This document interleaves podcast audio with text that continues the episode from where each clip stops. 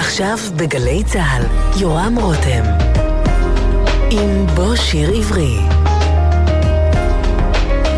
הבית של החיילים, גלי צה"ל. בוקר טוב ושבת שלום לכם, כאן באולפן גלי צה"ל הטכנאית ניב ירוקר ואני יורם רותם.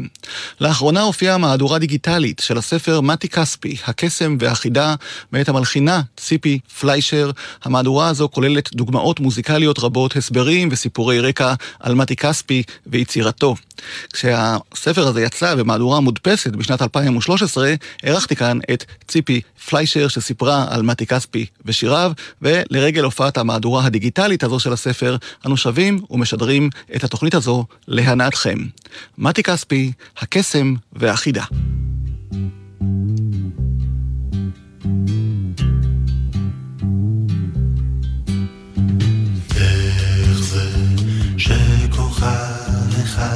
לבד?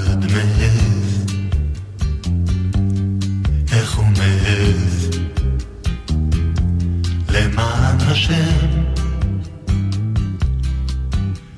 כוכב אחד לבד אני לא הייתי מעז ואני בעצם לא לבד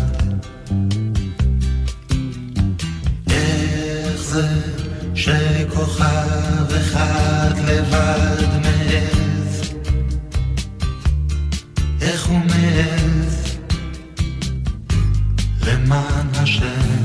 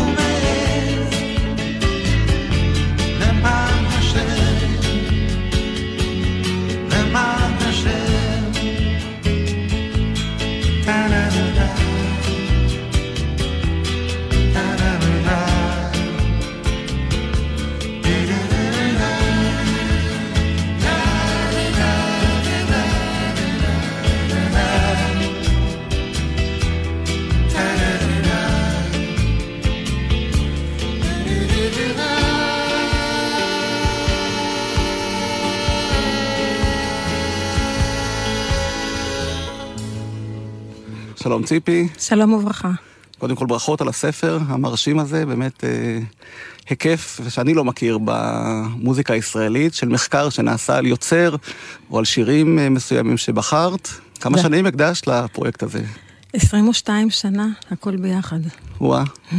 מה גרם לך להתמקד דווקא במתי כספי? אני מלמדת הרמוניה, לימדתי, זה היה התחום שלי הרבה שנים עם סטודנטים אה, במחלקות השונות בקמפוסים, וכשהגעתי למתי, כשהחומרים התחילו כבר להישמע, זה תכף היה מאוד מיוחד, התחלתי לנתח, ראיתי שיש המון על מה לדבר.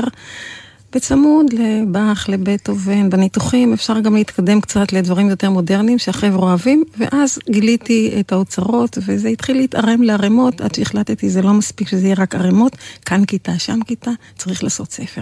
זהו, אז בפתח הדבר של הספר את כותבת, למזלנו הכרנו את מתי לידינו. לעומת גאונים מוזיקליים אחרים, כגון באך וגרשווין, גם הם אומני ההרמוניה, הייתה לנו ההזדמנות לעקוב אחר היצירה של מתי כספי בזמן אמיתי. ובעצם בתוך המוזיקה של מתי יש גם באך וגם גרשווין ועוד ועוד ועוד. נכון. לא, את לא נסחפת קצת בהשוואה הזאת? לא, לבאך, לא. גרשווין ואחרים? לא, לא, זאת פשוט שפיטה של אה, איש אה, מוסיקה מקצועי שרואה את הדאטה של האקורדים, של המבנים, של המהלכים, ומסתכל ורואה שבעצם ההתחלה הייתה כן אצל באך, המהפכה הגדולה. ואז גרשווין המשיך ופיתח את זה עם כל מיני תוספות. אנחנו יודעים, יש באך Swingle Singers. למה יש? בגלל שזה מאוד בקלות, אפשר מבאך לעשות הלאה תכף את גרשווין, את הרוח הזאת. ביניהם יש המון מלחיני צמרת, ברמס, לדוגמה, כן, מוצרט, עשו מבנים ענקיים יחד עם המוזיקה הזאת, אבל לא ממש מהפכה הרמונית. גם עשו מבנים, גם שברו מבנים, ואז מופיע מתי מהדור שלנו, מהמקום שלנו, עם ההשפעה המזרחית, המודלית של כל המוזיקה שהייתה קודם בזמר העברי, גם זה נכנס. הוא מצהיר יותר במכוון, דווקא על סשה ארגוב, דווקא על סטיבי וונדר, דווקא מבחוץ. כל הדברים האלה נכנסים אצל מתי עוד כאיזה שהם מבנים חשובים במבנה, ממש באיך שעושים את האקורדים ומוליכים ביניהם. זאת התרומה, וזו תרומה מאוד ברורה, זה לא נסחפים, זה פשוט רואים את הדאטה שלו לעומתם. המבנים הגדולים היו דווקא עד גרשווין, מגרשווין והלאה, ואצל מתי יש עוד פעם חדירה לתוך המבנה של ההרמוניה. טוב, אז אנחנו נחדור לתוך המבנה של הספר שלך, שמחולק לשישה מדורים. חילקת אה, את 40 השירים של מתי לפי מדורים, והמדור הראשון הוא הסמבה והבוסנובה. שמענו דוגמה אחת בפתיחה, איך זה שכוכב. נמשיך עם עוד שיר אה, שאת בוחרת לנתח בספר, אה, ציפורים בראש. גם uh, מהשירים המוקדמים של מתי. שומעים טוב מאוד שם דווקא, בדיוק כשיש את אותה מנגינה, אבל להתחלה יש לי ציפורים בראש, זה פעם אחת עם כזאת הרמוניה, ומי שקצת מחדד את האוזן שומע שבפעם השנייה זאת הרמוניה אחרת. זה בדיוק הקטע, זה בדיוק העניין. טוב, יש גם ביצוע ש- יפה שאני בחרתי נכון. עם הדואטים. זהו, אז אה, אנחנו נשמע את uh, מתי כספי וחווה אלברשטיין בהקלטה היותר מאוחרת של השיר, ושימו לב למה שציפי אומרת.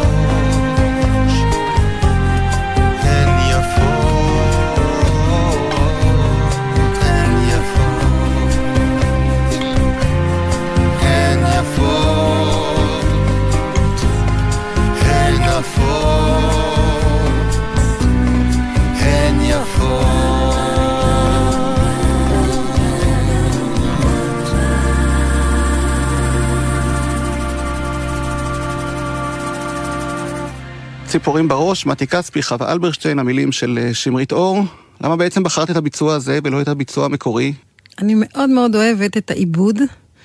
אני אוהבת את העיבוד הקולי הזה, את הרוח היותר נינוחה, קצת היותר שקטה, שהיא עוד יותר חולמנית על, ה, על הדחליל הזה, הטיפש שעומד כאילו ורואה, ככה אני מרגישה את הציפורים שעוברות לו, והציפורים זה כל מיני דמיונות, וחווה מטיבה לעשות את זה באיזשהו קצב כזה, ומין טימבר קולי מאוד מאוד נבון ונמוך כזה, והתוספות העשירות של העיבוד, נדמה לי של רחל כספי, מקסימות. אז אני חושבת שזה פשוט ביצוע שמתי היה חולם עליו מההתחלה, וכאן הוא קיבל אותו.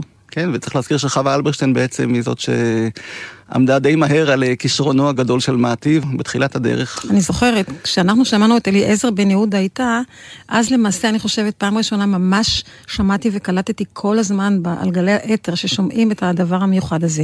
זה באמת הייתה, זאת הייתה הפעם הראשונה, הפרגון הזה של אה, חווה למטי. אחר כך אה, הוא היה עם עוד כל מיני שושבינים נהדרים. זה היה נהדר, כן. מההתחלה אני זוכרת. והנה החטיבה הזאת של שירי הסמבה והבוסנובה, זאת החטיבה הבולטת אצלך בספר, וגם אצל מתי כנראה, מבחינת אה, כמות השירים שהוא הלחין בסגנון הזה. כן, מה שאני הסבר עשיתי- למה הוא נמשך דווקא לסגנון הזה, הברזילאי? הוא הרי נולד, גדל בחניתה. כל מי שיודע הרמוניה, אוהב הרמוניה, אה, די מהר מגלה את ג'ובים, את כל הסמבות והבוסנובות, מתחיל בעצמו מהשמיעה לנגן אותן, ולמטי זה בדיוק קרה אותו דבר. אחר כך יותר מאוחר הוא כבר נקשר ממש לס- לספרות הזאת, הוא היה סמן ככה בתוך המוזיקה הישראלית, גם של ביצועים, תרגומים, אבל זה מאוד טיפוסי, גם אני זוכרת, שאני לא בגיטרה, אבל בפסנתר, מה, הייתי בתקופה מסוימת שהייתי איש מוסיקה קלה וג'אז, מאוד מאוד אהבתי את הספרות הזאת. זה הרמוניה עשירה כמו בג'אז, ומנגינות יותר כאלה רכות, עדינות, עם צלילים ארוכים ולא כל כך קופצניים. זה מאוד מושך את המוזיקאים היש- המוכשרים בהרמוניה. טוב, אז אה, אחרי ששמענו קצת בוסנובה, בואי נעבור לשירים השקטים והמינוריים, כפי שזה מוגדר אצלך בספר. למטי יש באמת כמה שירים נפלאים בסגנון הזה, ואנחנו נשמע את השיר אה, מישהו, שהוא כתב עם אהוד מנור, השותף הבכיר ביותר שלו לכתיבת אה, שירים. באמת, מה עשה את החיבור הזה בין השניים האלה שהוליד שירים כל כך יפים וכל כך הרבה שירים יפים? יש איזה משהו שאהוד מנור, כאיש מאוד מוזיקלי, תפס את המוסיקליות של מתי, שמאוד משכה אותו. ואז אל תוך המוסיקליות הזאת גם נכנס בן גוון כזה, של כזאת אווירה או של כזאת אווירה. הנה במישהו, זה משהו שדומה לתפילה. הרי באך גם כתב הרבה מוזיקה לתפילה, ויש שם הולכות של בס, כאלה מאוד טיפוסיות, טה, טה, טה, טה, טה, מי שמנסה קצת להפריד, שומע את זה. אז האיטיות הזאת, ושומעים חזק דווקא בגלל שזה שיר מאוד איטי, אז עוד יותר מתרשמים מהאושר של האקורדים ששומעים טוב וחודרים אליהם אחד אחרי השני. ואני כתבתי לכל שיר איזושהי כותרת משלי, אז אמרתי, אווירת דת נוסח באך עוזרת לתפילת היחיד. אז בדיוק יש פה גם את העניין של המילים בתוך הכותרת הזאת. המילים הם חלק מהמוזיקה, והמוזיקה הם חלק מהמילים. אז הנה, מישהו של אה, אהוד מנור, מתי כספי, אנחנו נשמע את הביצוע המקורי של יהודית רביץ. מישהו, מישהו דואג,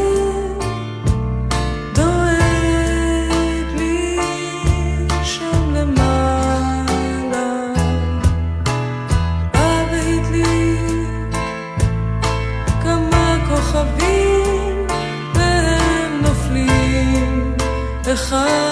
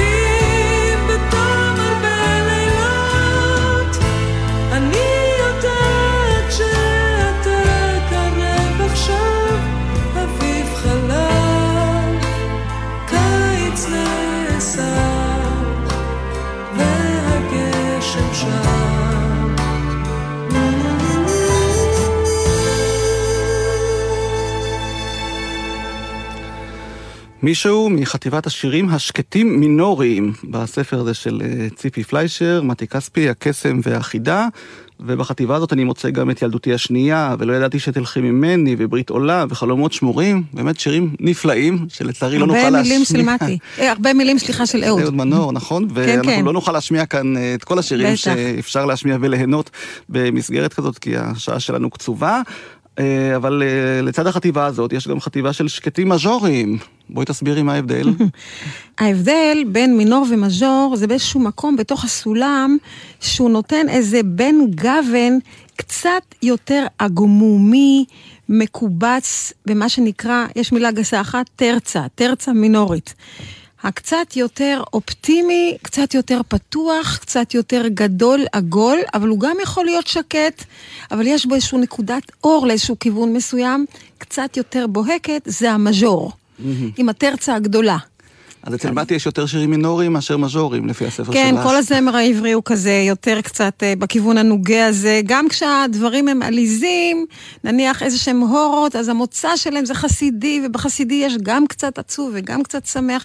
באופן כללי, הזמר העברי הוא מינורי, ומינורי בעל גוון מודלי, שזה עוד משהו אחר קצת מאשר המינור הרגיל שאנחנו רגילים אליו במוזיקה קלאסית או רוסית. אז בואי נגיע באמת לחטיבה של השקטים המז'וריים, ומתוכה אה, בחרתי את השיר מקום לדאגה, שאת אה, מנתחת אותו, אה, ומאירה אותו בזרקור אה, שמאפשר להבין גם את המילים ואת המנגינה אה, של השיר הזה, המילים של יונתן גפן, באופן גם, קצת שונה אה, ממה שאנחנו גם מכירים. המילים מעלות אותנו מעלה-מעלה, וגם המוזיקה עושה את זה מעלה-מעלה, וגם באמצע יש איזשהו מלאכים זוחלים כאלה, שנותנים תחושה שאנחנו כל הזמן עולים עוד ועוד ועוד, אז לאיפה כבר עולים? לשמיים, ומסתבר שבאמת השיר הזה עושה איזה דרך מיוחדת. אה, יש לפעמים שלמלחין יש איזושהי כוונה שהוא יהיה באיזשהו מקום, שהוא יתפרסם. פה זה בא מתוך עצמו, לאט-לאט עולה למקום מאוד חשוב בתודעה שלנו כשיר זיכרון כבר במשך כמה שנים טובות, אם אני, אם אני שמה לב. כן, זה שיר שנכתב בעקבות מלחמת אה, יום הכיפורים, ומה שמעניין שאת מציינת בספר, ודבר שאני לא ידעתי, זה שיונתן גפן בעצם כתב, אלוהים שם יושב ורואה וחושב על כל מה שברא, אוסר לקטוף את פרחי הגן, ודואג, ודואג נורא. כן, ובזה- אני בדקתי, איזשהו במקומות שלב- הייתי חייבת לחזור לטקסטים המקוריים, וראיתי שזה אוסר, אבל אני מבינה את התחושה של המבצעת, המבצעים, תמיד לעשות משהו קצת אולי יותר פשוט ויותר חזק, אבל לא לפגוע בכלל אה, בכוונה הטהורה של הטקסט. כי דווקא במנגינה של מתי, המילה אסור לקטוף את אה, פרחי הגן מאוד מאוד בולטת, ואולי בגלל זה המילה כן, אוסר חרדה. לאסור. כן. חרדה, אל תקלקלו את הגן הזה, המיוחד, הדמיוני, הגדול, שנמצא שם בשמיים. אז אנחנו גן באמת- העדן. נכון, אנחנו מכירים את אה, הביצוע של מתי כספי, ריק יגאל כמובן, אבל אה, בואי נשמע את הביצוע המקורי של השיר הזה, יש מקום לדאגה, כך הוא נקרא בתקליטון שהוציאה בזמנו הזמרת הנהדרת שרה בדישי, שנעלמה באמת אחרי אה, כמה שירים שהיא הקליטה וחבל, אבל זה הביצוע המקורי של השיר הזה, מקום לדאגה. יופי שעושים חסד, באמת, לביצוע מקורי זה דבר גדול.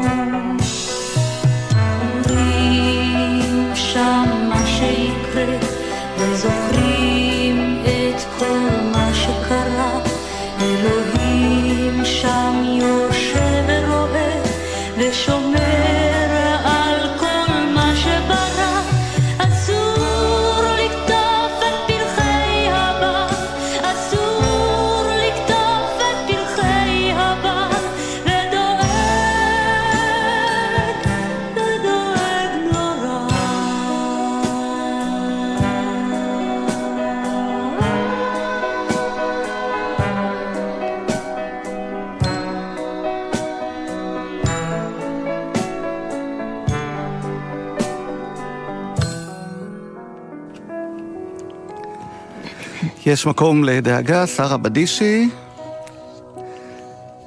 ניסית להבין אה, מתי מתי כספי אה, החליט שהוא נותן שירים לאחרים, ומתי הוא החליט לשיר את השירים בעצמו? זאת אומרת, לפי מה זה עבד אצלו, העניין הזה של לתת חוש- שירים למישהו? אני חושבת שזה חלק מאוד חזק אצלו, מתי הוא מרגיש שזה בשבילו, ואז הוא כותב באיזשהו אופי, והמימד הלירי שם חשוב. ומתי הוא, אה, הזמינו אצלו, או שזה היה לקראת הזמנה, ואז הוא התאים את השיר למי שהולך לשיר אותו, אם זה להקה, אם זה סולן. וזה גם מורגש למשל בדואטים, כשהוא החליט לעשות מין סיבוב חדש עם מבצעים שלא היו בכלל במקור, והוא מצא דרכים מאוד מתאימות דווקא למבצעים שלא חשב עליהם בהתחלה ונתן להם. אז זה אצלו חזק, התחושה, אני חושבת שהוא לא יכול להסביר את זה במילים, מתי זה מתאים לו, מתי זה מתאים לאחרים, ומי מתוך האחרים. והוא היה מעורב, מתי, בספר, במחקר שלך, שבאמת ארך 22 שנה, כמו שאת אומרת? מתי אה, קיבל ממני אה, קריאה לקראת שאני הולכת ומשלימה כבר את המחקר שלי, שיראה קודם כל מה אני עושה, איך אני מנתחת. עוד כתבי יד יחסית מוקדמים. הרשים אותו שזה עד כדי כך מדויק. אה, ויחד עם זאת, אני אחר כך באתי ואמרתי לו, זה לא מספיק, אני רוצה להגיד לך על איזה 40 שירים החלטתי לכתוב אה, יותר בצורה מפורטת. אני בוחרת שירים אה, מפורסמים שהם גם חשובים. יש כאלה שהייתי מתה לשים בפנים, אבל אני חושבת שאולי הם לא, לא מספיק מוכרים. או שהם לא מספיק חשובים מבחינה הרמונית, ודווקא כן מוכרים, וגם כן אני אוהבת אותם. זה היה הקוד שלי. ואז אני זוכרת שהוא נתן באמת את ברכת הדרך, וככה אני צעדתי הלאה. עם המבחר, אחרי שהוא גם ידע אותו. אחר כך פשוט אה, לקחתי ממנו ומאנשי האתר שלו את כל הרכיבים שקשורים לביו של השירים, לתולדותיהם. אני חושבת שבאופן כללי זה המקור הטוב ביותר. אין יותר טוב מאשר עדיין להיתקל ביוצר החי ולנסות לדלות מפיו בדיוק את הקונטקסט, את הזמן, את כל הסיטואציה. בשירונים, לפעמים אין לנו ברירה של זמר יותר עתיק, יומין, אנחנו כבר אין לנו את היוצרים, אנחנו לשאול. מחפשים, אה, אם זה בדיוק אה, יצא לאור ככה, אז כנראה זה נכתב קצת לפני כן. פה היה לי מזל, באמת יכולתי לדלות מפיו את כל מה שיכולתי. כי אני זוכר זה פחות או שלמשל... יותר היה המקום שלו. בניתוחים הוא כבר לא התערב. אהה, כי אני זוכר למשל דוד זהבי, הופתע לגלות את החוקרים שציינו שהשיר הראשון שלו, אורחה במדבר, ימין ושמאל, רק חול וחול, שרואים שם ממש במנגינה את אורחת הגמלים שצועדת. הוא אמר נכון. לי, הלחנתי את השיר הזה בגיל 17, לא הייתי מודע בכלל לכל הדברים שהחוקרים ציינו אחר כך. במקרה של. מתי, זה אחרת. זה גם טיפוסי למטי, זה טיפוסי גם למלחינים של מוזיקה אה, רצינית, נקרא לזה, או קלאסית. הם עובדים הרבה מאוד עם תחושה, כמובן שיש איזה בקינג של, יד, של ידע, אבל הם לא נותנים שום דין וחשבון ניתוחי. אני עושה את זה ככה, עשיתי פה טעות, אני בדיוק מושפע משם. השפעות זורמות, אה, מהלכים, אה, מצבי רוח, תוך כדי היצירה. אז זה באמת, אה, ימין ושמאל, זה באמת אה, מרגישים טוב מאוד את האווירה הזאת של הצעידה, אה, של הקרוון הזה במדבר. כן. יש בדיחה, אתה יודע, ימין ושמאל, שזה השיר הפוליטי הראשון. אהה. רק חול וחול. זה נכון, זה תקף גם לימינו. אנחנו נמשיך אל החטיבה הבאה בספר שלך, שהיא חטיבת הרוק. מתי כספי כתב גם הרבה שירים בסגנון הזה, שאולי השירים מתוכו נחשבים, אני יודע, פחות יפים מהשירים השקטים, המינוריים, הליריים, שירי אהבה, אבל אה, אי אפשר שלא לציין גם את התרומה שלו לרוק הישראלי. ואני מהחטיבה הזאת בחרתי את השיר אה, בלילות הקיץ, החמים. נשמע אותו בביצוע המקורי של צוות הוואי חיל התותחנים, עם הסולנית מלי ברונשטיין, וזה באמת שיר שעשה איזושהי מהפכה קטנה באותה תקופה, מבחינת? הצליל, הביצוע, העיבוד. מתי כבר התחיל, כן, בהתחלת שנות ה-80, לרמז, כן, שהוא בעצם אה, רוצה בצורה יותר בוטה להגיע למקום הזה. אבל את השיר הזה הוא עוד עשה קודם. זאת אומרת, אצל מתי, עם חוש הקצב והמודרניות, כל הדברים האלה כבר היו שם בצבצו ורצו לצאת חזק. והנה, כשהייתה לו הזדמנות אה, לשיר מהסוג הזה, וכנראה אמרו שזה צריך, היה איזושהי הרגשה שזה צריך להיות שיר קצת יותר סוער, קצת יותר קצבי, ללהקה, עם סולנית שיש לה סופרן מאוד גבוה, מאוד חדיר, כן? ואז הוא הרביץ את השיר הזה. אני מתה על השיר הזה, משום שבלילות הקיץ החמים, אני אומרת, שום דבר אינו קורה. על אותו רקע מינורי. שדיברנו עליו קודם, שהוא מושפע בכלל מהזמר העברי והמודליות. יש קצביות חזקה, ויש אקורדים של בלוז ממש, ובלוז זה מתוך העולם האמריקאי, ושם דווקא יש מז'ור. במיוחד במקומות של הקפיצות הגדולות של המנגינה, ואז גם שומעים את כל הגוש של החבר'ה שם מתפרץ עם איזה אקו חזק, עם האקורד עצמו על מלי ברונשטיין.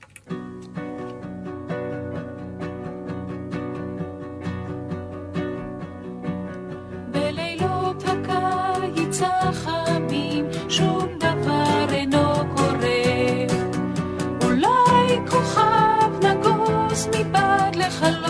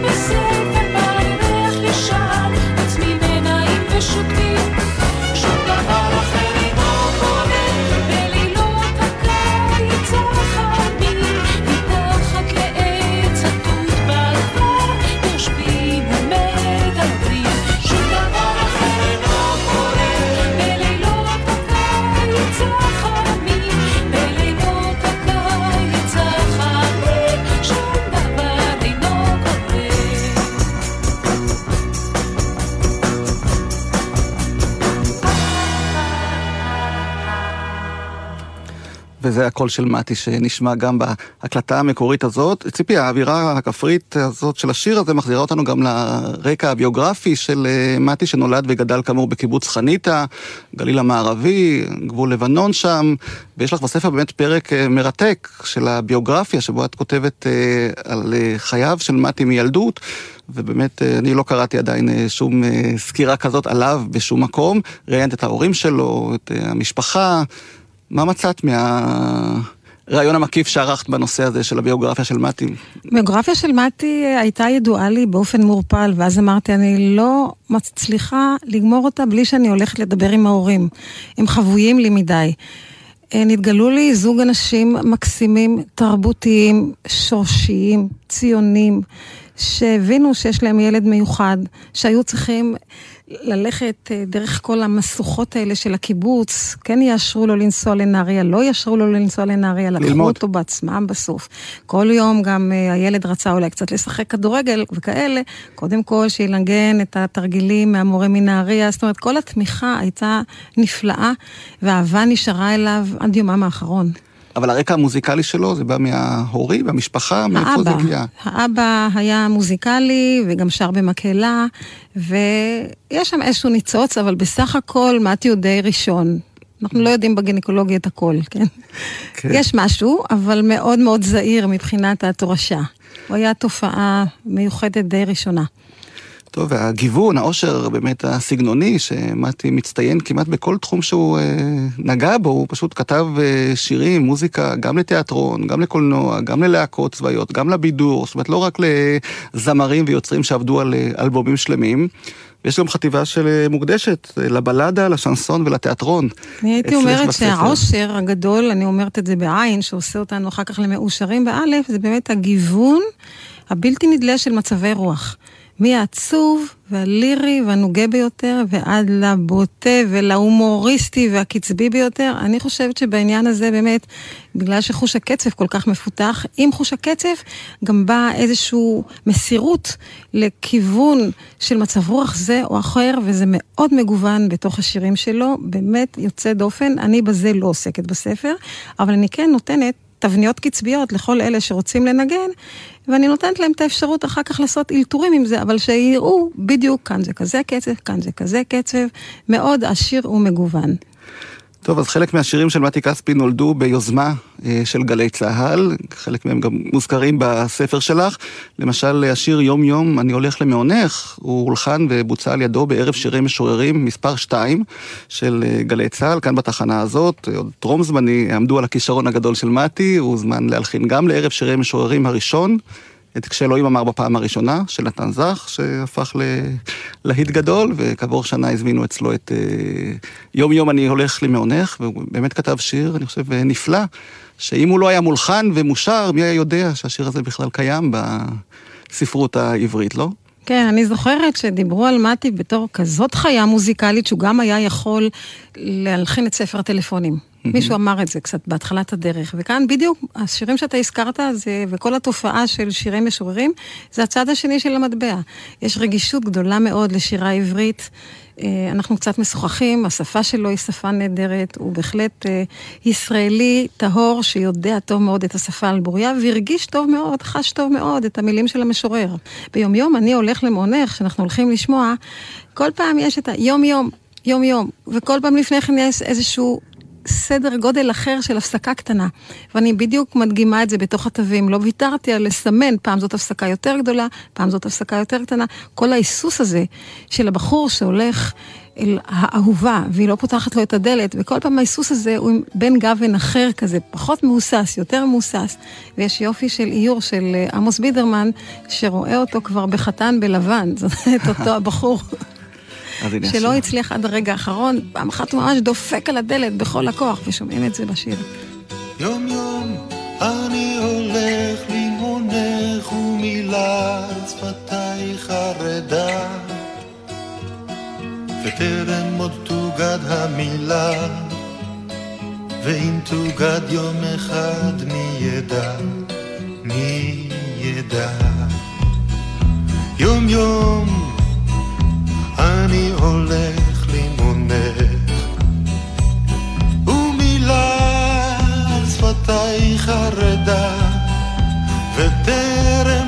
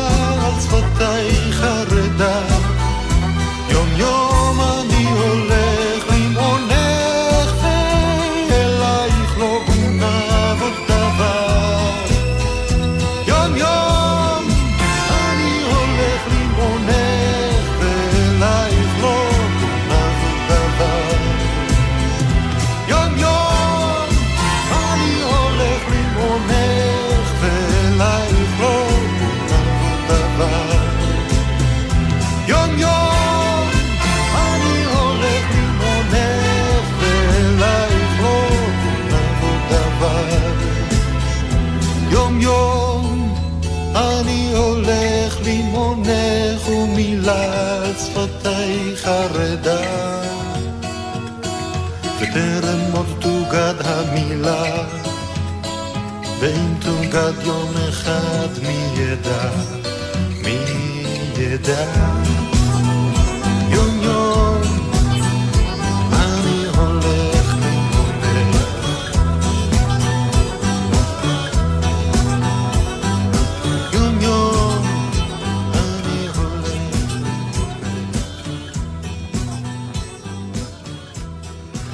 יום יום אני הולך אה, למעונך, מאלבום אה, הסולו השני של מתי כספי, זה שנקרא האלבום עם הפעמון על העטיפה. יש כאלה שאומרים שזה האלבום הכי טוב של מתי כספי. את מסכימה להגדרה הזאת? אני לא, לא עושה כזה, כאלה ציוני דרך, אה, ציון 10, 9, 8, 7, בשבילי תמיד מתי מעניין, ותמיד יש משהו מיוחד בכל שיר, למרות שהצבע של מתי גם לא נסוג מאף אחד מהם. משהו סטדי בסגנון, מגוון, וגם אמירה מיוחדת בכל שיר. אני אוהבת את כל התקליטים, אפילו עד האחרונים שבהם. כן, תכף נגיע גם אליהם, אבל יש כאלה שאומרים שבאמת מיטב יצירתו של מתי כספי הייתה בשנות ה-70. אולי עם כמה המשכים אה, בשנות ה-80 באמת, אבל הדברים הגדולים באמת שלו נכתבו בשנות ה-70, השנים הראשונות אה, שלו, לפני מלחמת יום כיפור, אחריה. מה דעתך על האמירה הזאת? זה, אלה עדיין השנים של הפריצה, ובאמת אומני רוק נזכרים, זוכרים אותם היטב היטב משנות הפריצה. מאוד מאוד זוכרים משנות הפריצה. אחר כך כבר לא כל כך שמים לב מה קרה מתי. אז אני בהחלט שמה את האצבע שבין 1970 ל-1990, וקצת גם לפני כבר 1970 וגם אחרי 1990, כל האלבום הגדול הזה, מתי, וגם השיר אה, נחליאלי, שזה קצת אחר כך, כל הדברים האלה, שם בעצם אה, נוצרה היצירה הגדולה של מתי. אה, זה גם בכמויות, קודם כל בכמויות. האיכויות לא ירדו אף פעם. אני מכירה את התקליטים האחרונים. יש מצב שאנחנו אומרים, קודם כל תקופה השתנתה, טעם השתנה, אדם אולי עושה דברים כבר בקצב יותר איטי, הוא גם התחיל להתמסר יותר ויותר לביצוע, ואנחנו שופטים, וגם במוזיקה הקלאסית, קודם כל את היוצרים הגדולים על הדברים הגדולים שהם עשו. אנחנו שמים בצל את הדברים הפחות חשובים. ורק נדע שמבחינה למשל של עובדות ממש, מי יודע מה היה קורה למוצרט אם הוא היה עובר את גיל 40. או את שוברט, מה היה קורה להם? הם אלה אפילו לא הגיעו שם לגיל 40, הם חתכו את החיים שלהם הרבה יותר מוקדם. אנחנו עובדים עם החומר, עם התרומה הגדולה, ואנחנו קצת פחות מתייחסים לתרומה הפחות גדולה. אז אני חושבת שזה בסדר שבין 1970 ל-1990 הוא השאיר כל כך הרבה. ונעים גם להסתכל על דברים יותר מאוחרים, למשל אני אזכיר רק שיר אחד מתוך האלבום האחרון, רוח אלוהים, השיר האחרון שהוא מזכיר מאוד את השירים המוקדמים, עד כדי כך שאפילו היה חשד, אולי זה מהמוקדמים, לא, אבל זה כן מהמאוחרים ממש. לפני עדיין, שנשמע את- כל הזמן עובד, אנחנו קצת בבעיה כולנו שאהוד חסר. אה, אני חושבת שזה מטיל איזושהי מועקה באופן גדול, כן? אבל סך הכל אני חושבת שהתרומה הגדולה והענקית, וגם בצדדים וגם אחר כך ועד היום, סבבה. אז לפני שנשמע את אה, רוח אלוהים, נשמע קודם את נחליאלי, שהזכרת, שזה שיר קצת יוצא דופן ביצירה של מתי, כי הוא שיר באווירה מזרחית, מרוקאית, אבל הוא הלך עם זה באמת לדעתי עד הסוף, וגם הקהל קיבל את השיר הזה, שבהתחלה נראה קצת חצי בדיחה, אבל פתאום אה, התקבל כאחד השירים היותר לגיטימיים ברפרטואר של נכון, מתי. פחות אופייני, פחות אופייני למתי, ויחד עם זה איזה מין אצבע אלוהים מיוחדת כזאת שסימנה את מתי בכל זאת. המזרח של מתי, אני קוראת לזה. הוא עצמו אומר, אם אני לא נאמן לעצמי, גם הקהל לא יהיה נאמן אליי. אני כל השנים נאמן לעצמי, הקהל גם נאמן אליי. אז מרגישים כמה שהוא אוהב את כל החומר המרוקאי הזה, שהוא קודם כל התייחס אליו כמוסיקה, והוא כתב קודם כל באמת את השיר הזה כמנגינה, ואז... ההתאמה המרבית הזאת עם אהוד מנור גם הולידה מילים נהדרות, הברקות מימין ומשמאל. ויצא באמת שיר אה, שלאגר שעד היום כולם מאוד אוהבים, הוא איזה פשוט מעלה חיוך תמיד כששומעים את זה. אני מסבירה כאן גם את הייחוד של, ה, של המקצבים בדוגמאות מוסיקליות. יש שם איזה סיפור של שלשונים מיוחדים וזוגות של מקצבי פנים בתוך השלשונים. והוא מעיד יפה מאוד, כן, שהוא למד הרבה מאוד מחיים אוליאל, וחיים אוליאל אמר בעצמו, אני אמרתי לו, מתי, אבל אתה לא מנגן בסדר. אז מתי אמר, אני לומד ממך, אנחנו בכיתה אחת, אבל בבית ספר שונה. טוב, אז הנה הכיתה בהופעה חיה בערד, אה, שמתי חזר אה, להופיע שם אחרי כמה שנים שהוא חי בארצות הברית, והקהל החזיר לו אהבה גדולה כשהוא חזר לארץ, שר איתו, ושימי לב איך אה, הוא מבצע בהופעה הזאת את השיר נחליאלי.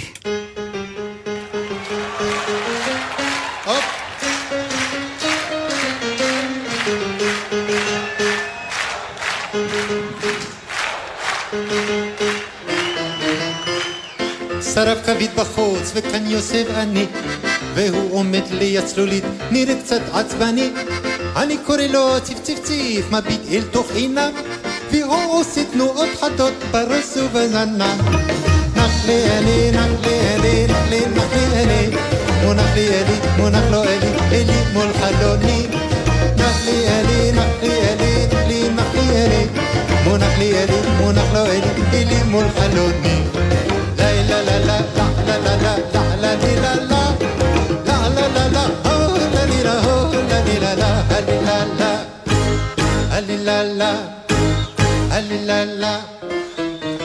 أني من يخبر ريم على الأيدين حلون ومي حكي ومي تحبي مي أخوري فيلون ومي تكرب بيسبوبيم في دلوقيم كتنيم أفل بيتم ومي تخرج في أفيل هسخينيم הלי לה לה אני מניח פירורים על עדן החלון ומחכה ומתחבא מאחורי וילון ומתקרב בסיבובים ודלוגים קטנים אבל פתאום הוא מתחרט ויפעיל השכינים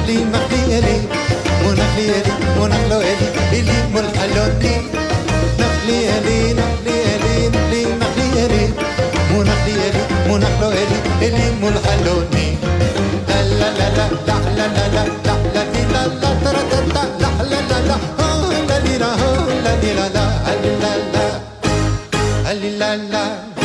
מונח לי אלי, אני צועק לו מנוול, חזור אתה תזכור. פתאום שוכח לגמרי, שיחו בכלל ציפור. הוא לא רוצה להתיידד, כן שיחו המצב. הוא פרק לי הודיע לי, זה עוד מעט כבר סתיו. נח לי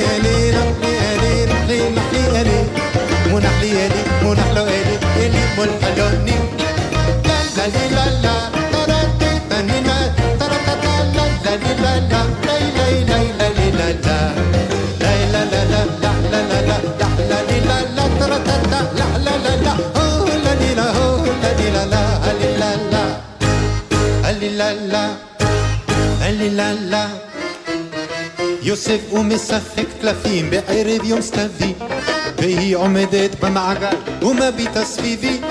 אני כאילו לא מרגיש אך רק עושה את עצמי. לא לא לא לא לא לא יכול למצוא את מקומי. נח לי אלי נח לי אלי נח לי נח לי אלי. ואין לי אותי ואין לו אותה ולא נח לי אלי. נח לי אלי נח לי אלי נח לי נח לי אלי. ואין לי אותי ואין לו אותה ולא נח לי אלי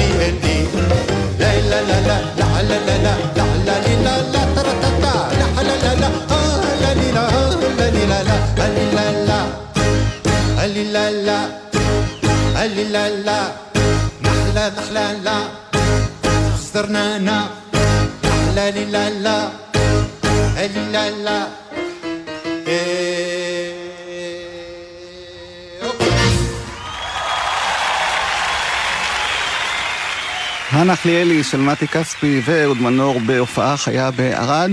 ציפי, אנחנו מתקרבים ככה אל סוף התוכנית שלנו, הזכרת כבר את השיר אה, רוח האדם, מהאלבום האחרון של מתי, האחרון לפי שעה, שיצא לפני שלוש שנים.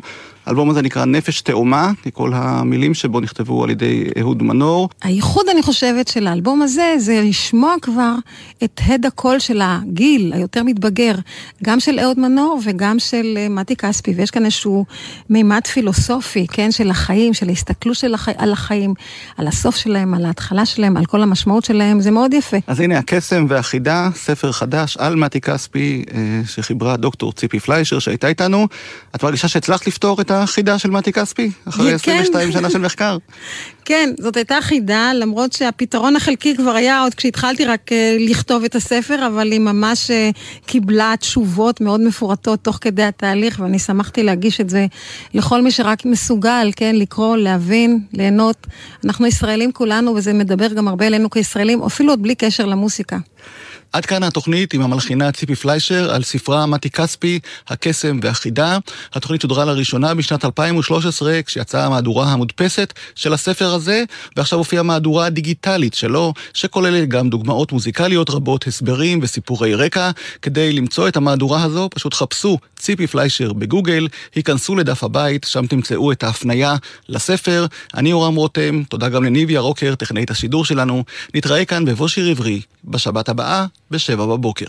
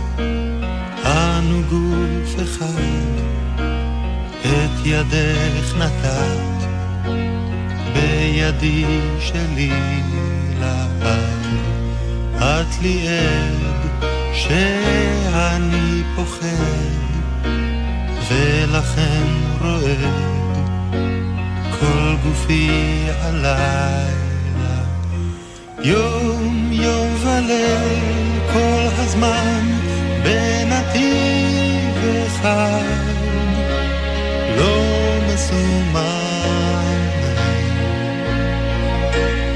יום יום וליל כל הזמן יחד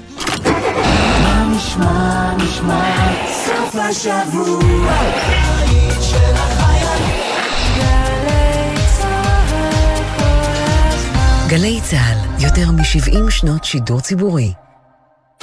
צחוק יכול לרפא מחלות? מה היה כל כך מצחיק אחרי שחרור הכותל? והאם הומור עובר בגנים? הדוקטור אלעזר בן לולו בפרק מיוחד של ההסכת שבט אחים ואחיות לרגל יום הבדיחות הבינלאומי עם גברי בנאי, יואב וטוביה צפיר וחוקר ההומור אריה סובר. היום, שתיים בצהריים, ובכל זמן שתרצו, באתר וביישומון גלי צה"ל. הדג נחש חוגגים 25 שנות יצירה במופע מיוחד בקיסריה ומארחים את אינפקטד משרום, בלקן ביטבוקס, פלד ואקו. חמישי, תשע בערב באמפי קיסריה ובקרוב בגלי צה"ל. כל שבת ב-10 בבוקר, יורם סוויסה לוקח אתכם למסע מוזיקלי. והשבוע, מסע עם עוז זהבי. איך התחושה להיות ספגטי? תשמע, אתה יודע שראיתי את העונה הראשונה, וראיתי את הדמות הזאת של התרנגול, כולם חשבו שזה אני. ואני הסתכלתי על זה בטלוויזיה ואמרתי, גם אני חושב שזה אני. מסע עם יורם סוויסה, הבוקר ב-10, ובכל זמן שתרצו, באתר וביישומון גלי צה"ל. زيادة